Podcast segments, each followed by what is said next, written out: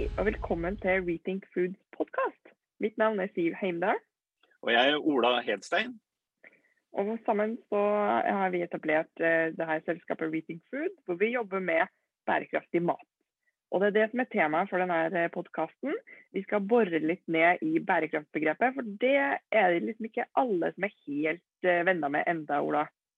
Nei, langt derifra. Og dessverre er det mange som lett sier at eh, det er et så slitt begrep at man kan ikke bruke det til så veldig mye. Eh, jeg kan være enig i at det er slitt begrep. altså Bærekraftige taxisjåfører og frisører og alt mulig er jo bærekraftig.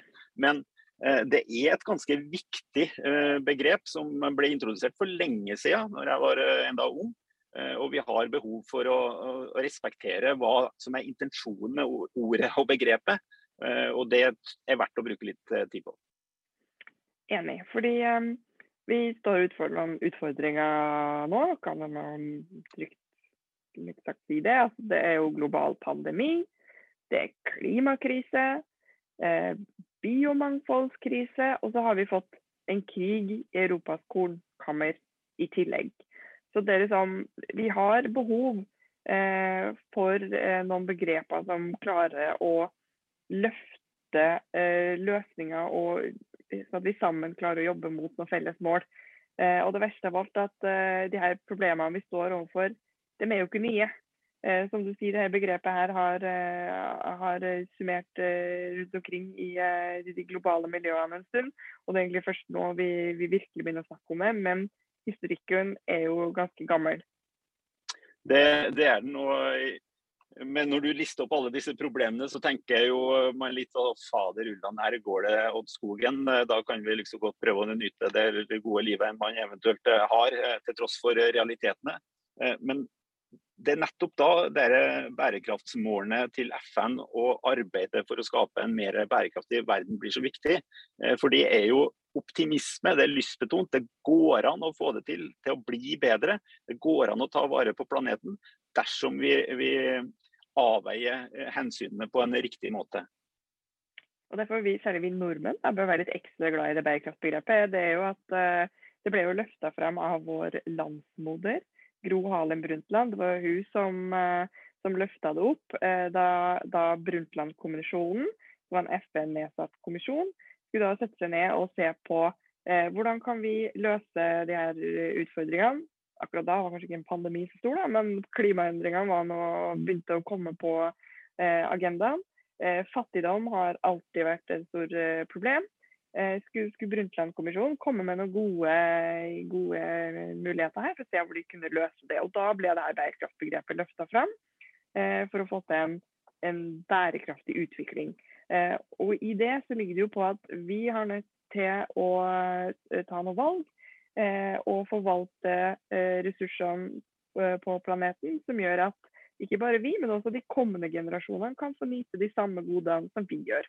Det er egentlig det som ligger i begrepet, hvis vi koker det ned. Ja, det gjør det. Og Brundtland-kommisjonen på slutten av 80-tallet, den satte i gang en sånn holdningsendring som bare vi må erkjenne tar lang, lang, lang tid. Eh, men verden har faktisk, til tross for det du sa innledningsvis, eh, så viser jo alle tall og målinger at veldig mye i verden har blitt bedre også siden slutten av, 80-tallet. Og vi må rette opp eh, og gjøre ting enda bedre de årene som, som, kommer. Så vi er inne i en god utvikling, til tross for at Putin går amok borti kornkammeret vårt, og til tross for at pandemier antagelig er forårsaka over en for tett kobling mellom mennesker og, og dyr så, så, er det mulig å gjøre det. For vi har kunnskapen og vi har en rettesnor eh, på hvilke avveininger vi må vektlegge. Vi har denne ene planeten, eh, og den eh, må vi ta vare på og bruke på riktig måte. Det er ikke en planet som vi skal være de siste å nyte godene fra. Ja, Det er et godt poeng med det her å, å se litt positivt på det. for det Man blir jo vetteskremt når man åpner avisene i dag. Men, men eh, historikken baserer seg jo på en veldig positiv utvikling. Um, for det er jo nå uh, basert på den Brundtland-kommisjonen. Uh, så ble det jo da um, gjort et arbeid på det som ble kalt tusenårsmålet. Uh, og der skjønte jeg at du ikke fikk lov til å være med. At du måtte sitte hjemme mens, mens kona di fikk lov å være med på festen. Ja, det var i 91. Da var jeg siste året som student.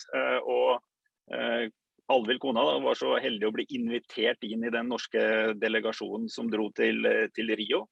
Mens jeg satt eh, hjemme og passa en skrikerunge på seks måneder.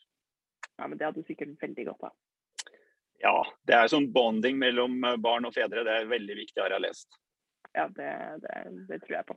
Men, men, poenget her da var at i de tusenårsmålene så, så satte man eh, målet til 2015. Og så kom han med en eh, rekke med ting man skulle, skulle, gjøre. Man skulle løse malaria og aids-problematikken, vi skulle løfte folk ut av fattigdom eh, osv. Og, så videre, og, så og så gjorde man det så bra. Eh, man leverte så bra på de målene at man måtte sette nye mål, og det er de som er de 17 bærekraftsmålene. De som aller fleste næringslivstopper eh, messer om i dag. Det er det, og det er jo litt av historien til FN. Eh, et merkelig organ som ikke har noen myndighet. Men alt det FN har satt seg som eh, fore, eh, helt fra etableringa, har man kommet veldig langt i riktig retning på. Og Sammen med tusenårsmålene, man kom veldig langt. Og Man må, jo si at de 17 bærekraftsmålene som FN laga etter 2015, eh, de har man jo virkelig klart å få stor oppmerksomhet på, og er på full fart inn i samfunnsstrukturer, inn i økonomien. Eh, så dette skjer. Eh, det er ikke noe som vi skal begynne med, det er i full gang.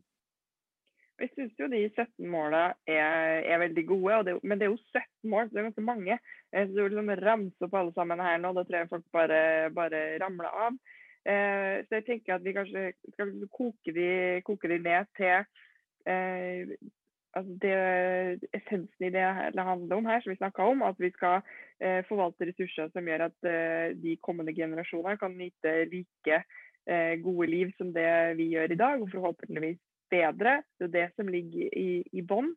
Eh, men det er, jo, det er, jo, det å evne å, å, å se liksom de tre store oppgavene her. da, Eh, det at klima klimaet har fått veldig mye oppmerksomhet med klimapanelet og global oppvarming og hele bøtteballetten. Og det er jo det som får veldig mye oppmerksomhet i Norge. Naturlig nok, egentlig. Vi er en stor produsent av eh, fossil energi. Eh, og så gjør vi jo mye bra på de andre områdene, med tanke på at vi lever jo i et velferdssamfunn. Eh, men det er mer i bærekraftsbegrepet enn klima, selv om man kanskje det er det man får presentert mest på daglig basis. Ja, og det er jo en jeg var, Bare for noen dager så er jeg med på en sånn um, litt intellektuell uh, inngang på, på, hvordan man skulle videreutvikle bærekraftsbegrepet. Men for meg så syns jeg det, det, det, holder egentlig med den enkle inngangen som jeg tror betyr mest for oss som både personer og som politikere så er det det at man må ta utgangspunkt i at alle som lever skal få muligheten til å realisere sine liv. Det er liksom formålet med det vi gjør. Eh, og så er det andre at vi skal sørge for å ikke overforbruke planeten. Så det er en begrensning på da, den økonomien som vi kan ha. Eh, men økonomien må være så god og sterk at det er skoletilbud til alle, og at vi fordeler eh, verdier og ressurser på en sånn måte at det kommer alle til, til, til gode. Og Så har vi noen fellesressurser på planeten som er begrensa. Eh, det er begrensa hvor mye matjord vi kan bruke, for vi kan ikke hogge ned regnskogen. Det er begrensa hvor mye fosfor som finnes. Eh, og det er begrensa hvordan antibiotika er en begrensa ressurs i forhold til å gjøre oss friske. Og slike sånne fellesgoder er det uhyrlig viktig at vi klarer å ta vare på, og ikke overforbruke. Og da kommer man inn i sånn sirkulære resonnement og ikke ressursforbruk. Så hvis du skal eh, prøve å gjøre det veldig enkelt her, da, så er det vi skal balansere tre hensyn samtidig. Eh, og det er eh, sosiale forhold til dyr og folk. Eh, så er det økonomiske forhold. Og så er det da Eh, økologiske forhold, eller altså da, naturen. Da. Så klarer vi å balansere de tre hensynene til sammen, da får vi et bærekraftig samfunn. Ta-da! Egentlig ikke vanskeligere enn det. Nei, det, det, det er jo eh, altså Vi skal ikke redde planeten, vi skal gjøre det mulig for folk å overleve på planeten. Planeten klarer seg veldig fint uten folk. Eh, så det er bare det å sørge for at vi som er der og setter så kraftig fotavtrykk på alle ressursene på planeten, for vi er blitt så forferdelig mange. Eh, og få av oss tør i hvert fall snakke om at vi bør bli færre, eller at det er noen som ikke skal få lov til å være med på reisen. Så er det hvordan vi velger å leve som er nøkkelen til, til suksess. Ja, så med det i bakhodet, da, den balanseringa av de tre hensynene, um, så, så, skjønner jeg jo at det fortsatt kan føles litt litt stort, i hvert fall hvis du som enkeltforbruker skal gå i butikken og ta valg og bare må jeg sosiale forhold. og Har folk fått uh, lønna de skal ha, og har det her blitt produsert bærekraftig? Og, og, og, skal jeg betale 20 kroner for den, eller 40 kroner for den? Det blir jo veldig mye, mye å tenke på. Uh, og det skjønner jeg. Så det, jeg at uh, det er jo vi som fellessamfunn som er nødt til å sette de her reglene for hvordan vi skal, skal kunne få en bærekraftig fremtid. da. Ja, det har vært en jeg har selv jobba med merkeordninger i eh, Stiftelsen for, for, norsk mat, eh, som har kvalitetsmerker, opprinnelsesmerker og noen EU-merker. ja, Det er ganske mange som merkeordninger for mat, og visstnok skal det komme flere. De er bra fordi det er en god måte å formidle kunnskap og informasjon til eh, forbruker som skal gjøre, gjøre et valg. Så, så, det er mye bra med det. Men det kan ikke være sånn at vi overlater til markedet ene og alene og forbrukernes innsikt til å sørge for at man handler riktig. Eh, og av og til da til tross for at det er dyrere enn billigere og dårligere alternativer som ligger der. Her må det settes standarder for hva som er til gode for planetens utvikling, og hva som er skadelig for planetens utvikling.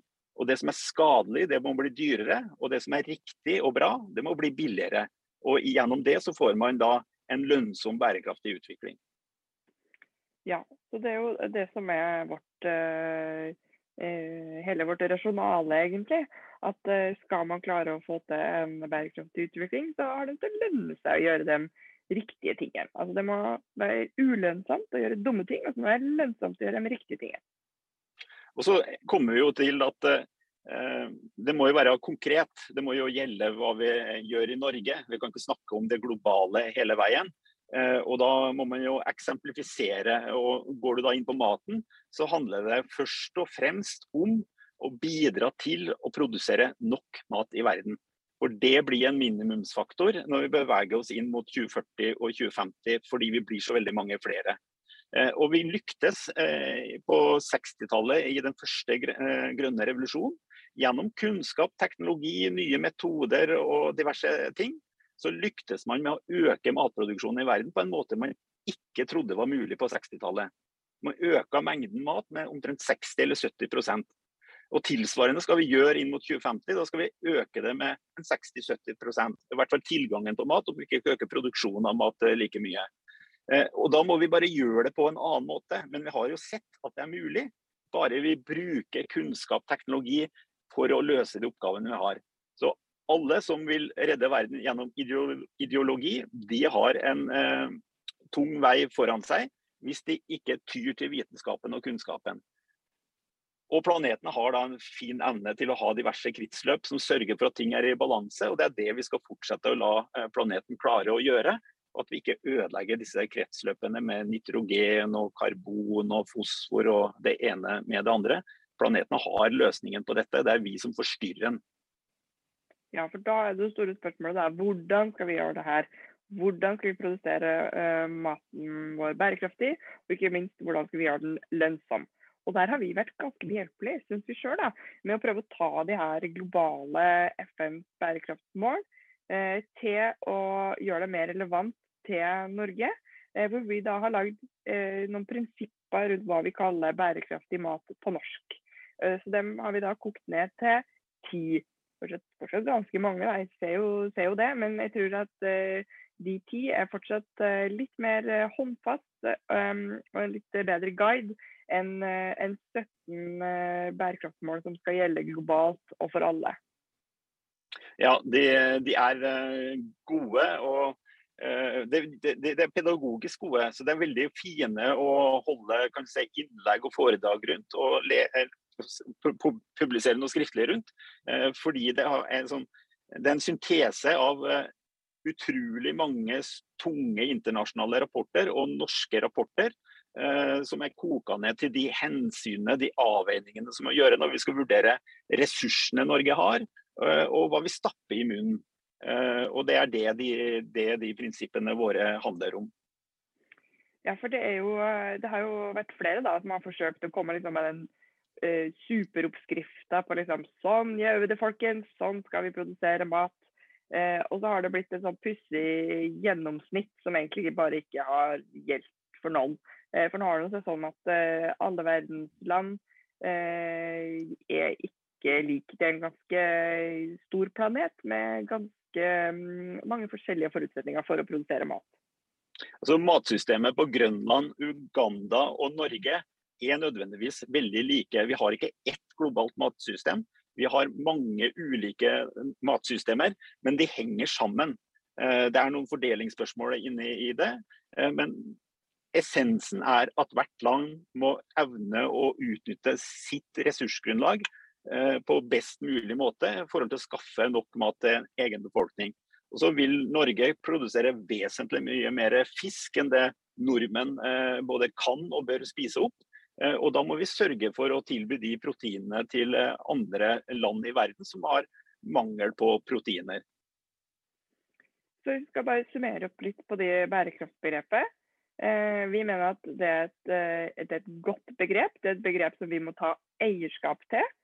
Eh, og som, eh, som, vi ikke bare må face unna som et, eh, som et eh, moteord. Eh, det er et ord som vi må bruke som et verktøy og en, eh, en, en guide på hvordan vi da skal ikke bare leve gode liv nå, men også for de fremtidige generasjonene. da. Sånn må det være. Og skal vi gå dypere inn i prinsippene våre, så tar vi det i en egen podkast, kanskje? Ja, Så den kan du nå finne i, uh, i feeden din under denne episoden her, så håper at du gjør det. Eller så kan du også da gå inn på våre nettsider readingfood.no og lese mer om bærekraftig mat. Der vil du også finne de, eh, de prinsippene. Uh, så da avslutter vi her nå. Uh, og så håper jeg at vi høres igjen ved neste episode.